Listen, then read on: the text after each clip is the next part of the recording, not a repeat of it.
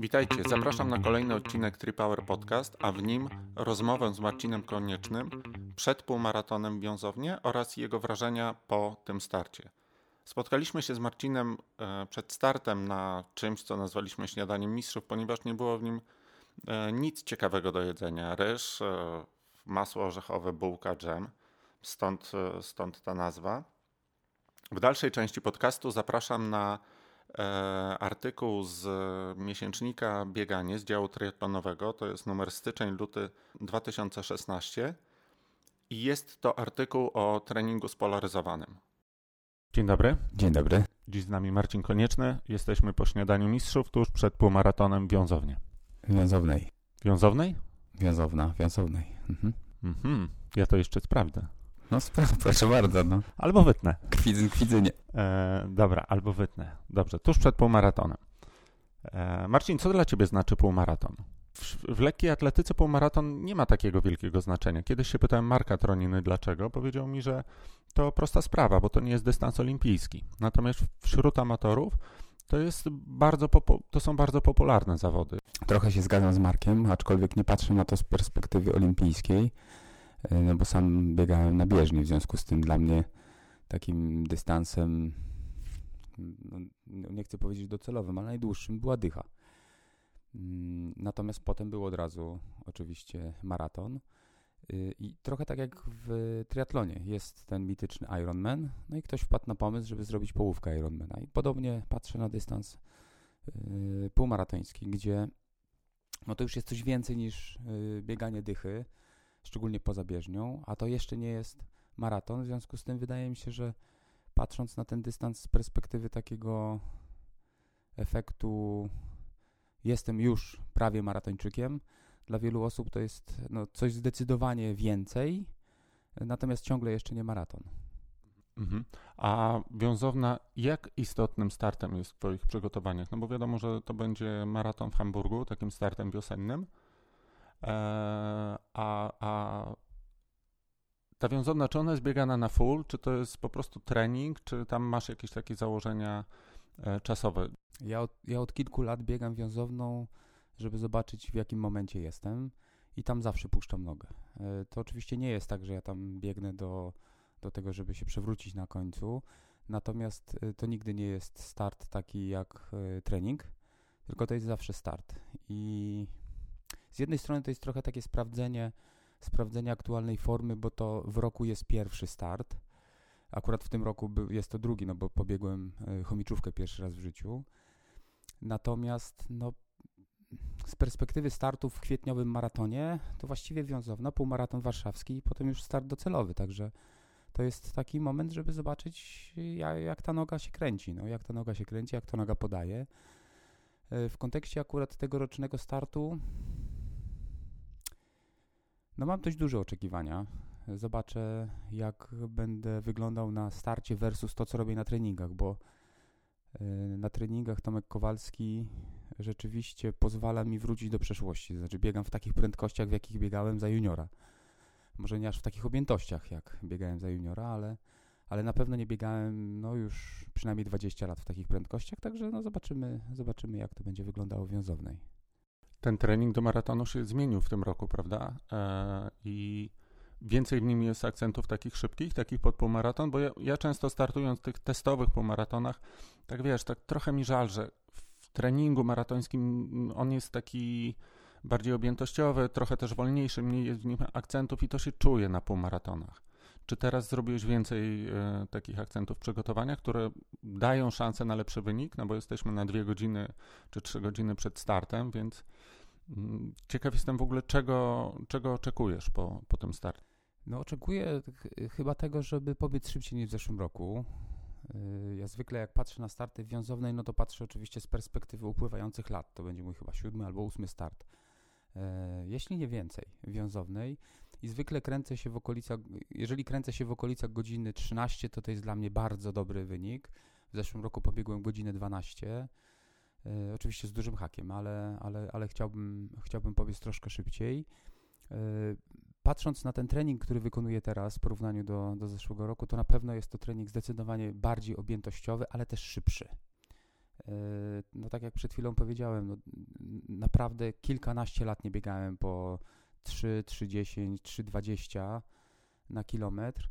E, no i naprawdę sam jestem ciekaw, jak to będzie wyglądało, chociaż nie przykładam do tego aż tak dużej wagi, no bo to zdaję sobie sprawę z tego, że impreza docelowa e, za czas jakiś. W zeszłym roku miałem, no niestety, dość przykrą sytuację polegającą na tym, że w wiązownej było bardzo dobrze, potem już było coraz gorzej, bo w półmaratonie warszawskim no to już w ogóle była jakaś padaka, a potem y, na Orlenie no to już jakoś nie poszło tak, jak chciałem, żeby poszło. No.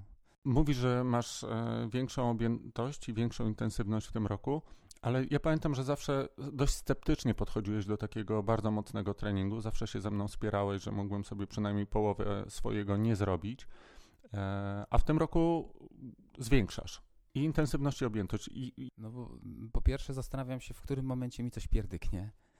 Mm, po drugie, jak się kontraktowałem z Tomkiem na ten maraton po zeszłym roku trenowania z Tomkiem i z Piotrkiem Rostkowskim, no to on mnie ostrzegł, to znaczy powiedział, że on uważa, że trenowałem za słabo w zeszłym roku, w związku z powyższym będziemy trenowali zdecydowanie ciężej i ja postanowiłem mu zaufać, no zobaczymy, zobaczymy jak to będzie. W związku z tym to moje nabijanie się z ciebie, że co tydzień biegasz trzydziestkę, no teraz albo więcej. Niestety muszę spojrzeć muszę spojrzeć w, w lustro i powiedzieć, że robię to samo. No. A masz trzydziestki w swoim planie? Tak, tak, trzydziestki. Chociaż one tak progresywnie, od 26 do tak, 32. Tak, tak. Znaczy to nie jest tak, że co tydzień jest 30, ale one się zdarzają. No u mnie jest co tydzień ostatnio.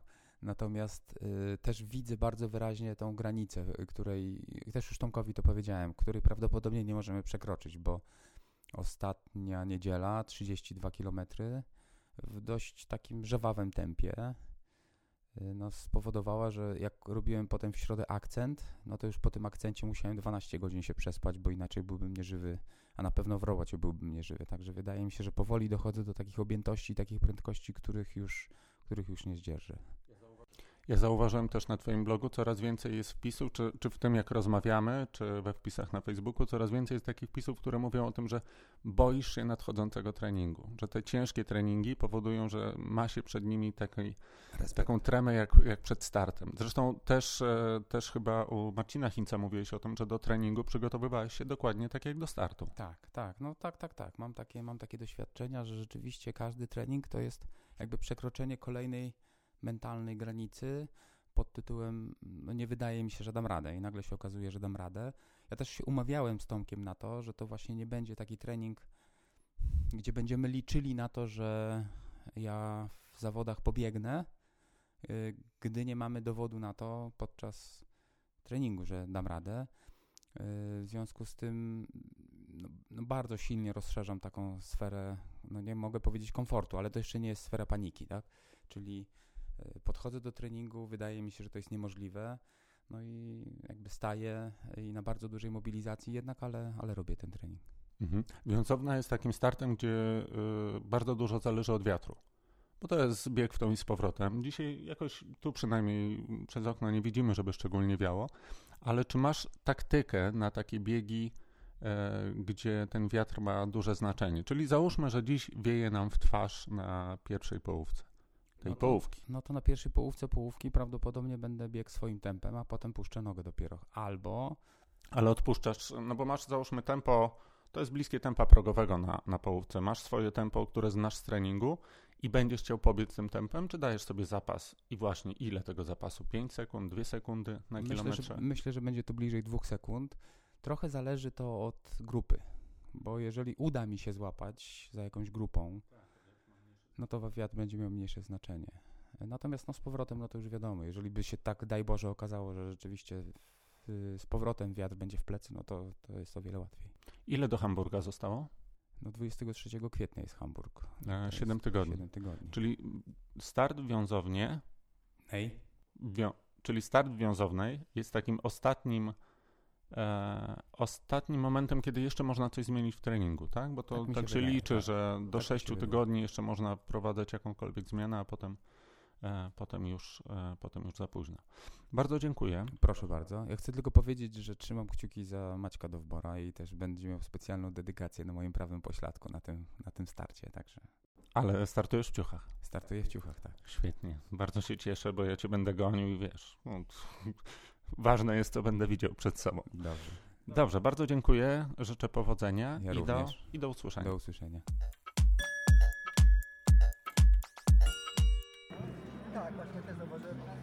Kilka godzin później już jesteśmy po starcie. Pierwsze wrażenia Marcin po starcie. Po pierwsze to chciałbym przeprosić Ciebie, yy, ponieważ wystartowałem wiązownie, nie w wiązownej. Ja już nie, ja już nie wiem, gdzie my wystartowaliśmy. No ale czytam, że w wiązownie, no to w wiązownie. Wrażenia. Yy, Przed startem Tomek napisał mi, że powinienem pobiec to po 3.21, 3.23. Prędkość dla mnie kosmiczna, ale spróbowałem. Wytrzymałem pierwszą dychę. Yy, Potem oczywiście było pod wiatr, w związku z tym no, odpuściłem. No, wiem, że mniej więcej od 13 kilometra nie było szans na to, żeby zrobić tutaj wynik lepszy niż w zeszłym roku. W związku z tym starałem się trzymać tempo maratońskie, czyli to tempo docelowe. Wyszło po 3,29. Wynik gorszy niż w zeszłym roku, ale mam takie wrażenia też, że trochę warunki gorsze niż w zeszłym roku. Ten wiatr jednak dawał mocno popalić. Mimo to, że było dość ciepło. Ja też się zastanawiam, czy nie miała wpływu zima taka, jaka była, bo jednak nie dało się tak potrenować w tą zimę, jak w ubiegłym roku, prawda? Yy, To prawda, natomiast ja byłem za granicą, także A zapomniałem z prezesem. No właśnie, byłem za granicą z prezesem tydzień, także no, nie mam żadnych wymówek. Natomiast y, myślę sobie, że jeżeli y, z takiego zmęczenia miałbym robić życiówkowe, życiówkowe wyniki, no to co by się działo, jakbym nie był zmęczony? Bo naprawdę jestem podmęczony trochę treningiem i jestem całkowicie przekonany, że to jest po prostu kolejny akcent do zrobienia. Zrobiłem, przeżyłem. W Warszawie będę starał się pobiec już teraz 15 po 3,20 czy tam po 3,21, a potem już pobiegnę Hamburg. Wiesz co, ja mam zawsze takie wrażenie, że w wiązownie e, biegnę takiego diesla, że no, niby nie jestem jakoś super zmęczony, ale szybciej pobiec nie mogę. A jak to u Ciebie wyglądało? Ja, tak jak w tym naszym pierwszym dzisiejszym spotkaniu, mam taki wyznacznik e, mówiący o tym, że jeżeli łamię godzinę 14, to to jest dobry czas. Teraz złamałem go raptem o 4 sekundy. Wprawdzie mógłbym pobiec szybciej, ale wcałowałem się z żoną przed metą. Natomiast y, jakby netto to nie jest, do, znaczy to nie, to nie jest zły wynik.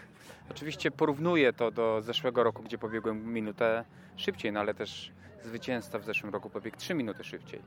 W związku z tym naprawdę patrzę na to jako no, bardzo solidny akcent i mam takie wrażenie, że to spokojnie, jeszcze jest kilka tygodni i swoją robotę zrobię. Dzięki. Widzimy się za trzy tygodnie w Warszawie. Tak, widzimy się za trzy tygodnie w Warszawie i teraz już wiem, że będę namawiał swojego trenera, żebyśmy tam też mocno pobiegli, a nie tylko treningowo. Bo chcę się odkuć Do zobaczenia. w Warszawiu. Trening spolaryzowany. Mimo dokumentacji i badań sięgających dziesiątków lat, trening spolaryzowany do dziś nie zyskał tak dużej popularności i zrozumienia, jak można by było tego oczekiwać. Jakie są jego założenia i czy możemy znaleźć dla niego zastosowanie w triatlonie? Pytanie ze wstępu jest o tyle zasadne, że większość badań dotyczy biegaczy, narciarzy biegowych i kolarzy.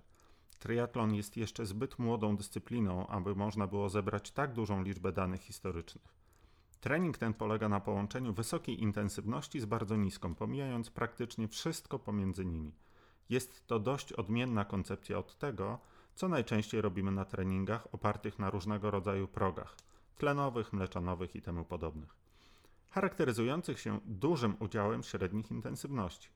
Liczne badania pozwalały również na bezpośrednie porównania różnych metod treningowych. Jednym z przykładów jest program wprowadzony wśród młodych szkockich wioślarzy. Jedna z grup prowadzona była tradycyjnymi metodami z szerokim zakresem intensywności. Trening drugiej opierał się na 5% udziale wysokiej intensywności oraz 95% niskiej. Przez pierwszych kilka lat obie grupy rozwijały się w bardzo podobny sposób, lecz w dorosłej karierze lepiej radzili sobie zawodnicy stosujący wcześniej spolaryzowany trening. Inne badanie, tym razem przeprowadzone wśród triatlonistów, obejmowało dwie grupy poddane próbie krzyżowej. Pierwsza grupa stosowała trening spolaryzowany, a druga oparty na różnych strefach wysiłku. Po okresie testowym nastąpiła kilkutygodniowa przerwa, zamiana ról i powrót do treningu. Okazało się, że polaryzacja treningu przynosiła lepsze rezultaty w obydwu próbach. Trening spolaryzowany pozwalał nie tylko na uzyskanie lepszych wyników, lecz również wymagał mniejszego nakładu pracy. Polaryzacja tak, wypaczenia nie. Wśród części trenerów i amatorów pojawiła się moda na proporcje 80 na 20. Między innymi dzięki książce Mata Fitzgeralda Bieganie 80 na 20. 20% treningu wysokiej intensywności to jednak stanowczo za dużo i nie jest zgodne z nowoczesną ideą polaryzacji. Taki podział jest pochodną dostępnego wśród amatorów czasu na trening, jest go zazwyczaj znacznie mniej niż u wyczynowych sportowców. Trudno jest zaakceptować tak duże cięcia w treningu jakościowym, więc przystosowanie się do możliwości kalendarza odbywa się kosztem lekkich zadań. To główna przyczyna zmian proporcji. Jednak to właśnie te godziny spędzone poniżej 65% VO2 max tworzą najważniejszy element układanki, bez niego skuteczność interwału znacznie spada. Faktem jest, że takie proporcje zdarzały się we wczesnych etapach eksperymentowania z mieszaniem skrajnych intensywności, ale jest to zamierzchła przeszłość. Analiza treningu najlepszych zawodników w sportach wytrzymałościowych na kolejnych Igrzyskach Olimpijskich pokazuje wyraźną tendencję odchodzenia od podziału 80 na 20 w kierunku 95 na 5. W prawidłowej ocenie pomogły także zdobycze najnowszej techniki. Dzięki zaawansowanym pulsometrom czy miernikom mocy nie musimy się już kierować e, oceną wysiłku podawaną przez zawodników. Efektem tego są bardziej dokładne pomiary czasu przebywania w poszczególnych strefach. Krótka droga na skróty. Pułapką, w którą niezwykle łatwo wpaść, jest krótkotrwały, bardziej dynamiczny rozwój przy zastosowaniu większego udziału procentowego intensywnego treningu u osób początkujących. Joel Filiol, jeden z najlepszych trenerów triatlonu na świecie, zwraca jednak uwagę, że obniżamy w ten sposób nasz przyszły potencjał. Powinniśmy jasno sprecyzować nasze cele, czy chcemy wycisnąć maksimum z przeznaczonego na sport czasu, przykład rok, czy przetestować nasze własne limity w dłuższej perspektywie. Polaryzacja treningu wymaga również wysokiej świadomości zawodnika i kontroli pomysłów dyktowanych ambicją. Krótki trening o bardzo wysokiej intensywności da się zrobić nawet dzień po dniu, ale nie przyniesie on pożądanych rezultatów, a wręcz stworzy zagrożenie zatrzymania się w rozwoju. Amatorzy najlepiej radzą sobie z długimi, bardzo spokojnymi jazdami na rowerze, ale większość z nich robi zbyt mocne wybiegania. Nie potrafimy zaakceptować wolnego tempa na ekranach swoich zegarków, a powinniśmy kierować się tylko odczuwalnym wysiłkiem. Podobne efekty obserwowane są wśród użytkowników mierników mocy. Okazuje się, że statystycznie robią oni mocniejszy trening od zawodników nie używających tego typu urządzeń w trakcie przygotowań do sezonu i lekkich treningów. Trzymanie się zasad może być trudne również w przypadku grupowej jazdy na rowerze czy sesji pływackich, gdzie dostosowujemy się do bieżącej sytuacji. Warto mieć to na uwadze, planując rozkład dnia. Nuda? Czy takie ciągłe trzymanie nogi na hamulcu nie powoduje, że trening staje się nudny? Wręcz przeciwnie. Taka struktura potrafi uczynić plan naprawdę ciekawym. Luźne zadania przestają być dla nas obciążeniem nie tylko fizycznym, ale również psychicznym. Nic tu nie musimy, nie ma żadnych norm do wykonania. Elementy jakościowe są natomiast na tyle krótkie, że pozwalają na całkowite skupienie na zadaniu. Praktycznie na każdym poziomie sportowym odcinki 6 razy 4 minuty pełnej mocy na 4-minutowej przerwie, czy 15 razy 40 sekund na minutowej przerwie będzie łatwiej wykonać prawidłowo od godzinnej jazdy na czas, czy dwóch razy po 20 minut na progu mleczanowym. To właśnie jest jedna z największych korzyści treningu spolaryzowanego szansa na prawidłowe wykonanie ćwiczenia. Przy dużej objętości średnich intensywności naszym największym przeciwnikiem jest narastające zmęczenie przygotowaniami. Płacimy za to na treningach jakościowych, gdzie coraz trudniej utrzymać zakładane tempo czy moc. Dodatkowym utrudnieniem jest dłuższy czas regeneracji po długich zadaniach w średniej intensywności. Czas, który niezwykle trudno znaleźć w wyjątkowo napiętym planie charakterystycznym dla triatlonu. Podsumowanie. W mojej opinii trening spolaryzowany najlepiej sprawdzi się w dwóch skrajnych grupach. Pierwsza z nich to początkujący amatorzy, których plany powinny być skoncentrowane na bezpiecznym skanalizowaniu fascynacji nowym hobby. Znacznie łatwiej będzie im kierować się odczuciami przy zadaniach o wyraźnej różnicy intensywności. Ciężkie, krótkie odcinki jakościowe nie powodują tu podwyższonego ryzyka kontuzji, a procentowo duża objętość lekkiego treningu pozwoli na spokojne budowanie potrzebnej w przyszłości bazy tlenowej. Drugą grupą są triatloniści wyczynowi, którzy mogą korzystać z udokumentowanych korzyści treningu spolaryzowanego. Tu również spada ryzyko kontuzji, przemęczenia kumulującym się treningiem, a brak ograniczeń czasowych pozwala na stworzenie planu opartego na bardzo szerokiej podbudowie intensywności poniżej 65% VO2 max. Ta podbudowa jest kluczowa dla stworzenia odpowiednio dużej objętości, wysokiej intensywności niezbędnej do wygenerowania stymulujących rozwój bodźców, zachowując jednocześnie jej niewielki udział procentowy w całości treningu. Ten właśnie element jest poważnym ograniczeniem dla wielu amatorów na średnim poziomie, ponieważ ich zasoby dostępnego czasu nie pozwalają na tak duże objętości jak w przypadku profesjonalistów. Starając się trzymać procentowych proporcji treningu spolaryzowanego, mamy wtedy za mało miejsca na wysoką intensywność, aby można było mówić o optymalnym procesie rozwoju. Musimy więc podejmować eksperymenty mające na celu właściwe zbilansowanie tych elementów. Jak to ocenić? W treningu indywidualnym będzie to trudne. Potrzebny będzie bowiem punkt odniesienia. Z tego powodu jest to znacznie łatwiejsze dla trenera prowadzącego grupę zawodników, kiedy istnieją warunki do porównania zarówno podobnego treningu dla różnych zawodników, jak i zdywersyfikowanego planu dla zawodników o bardzo podobnych parametrach.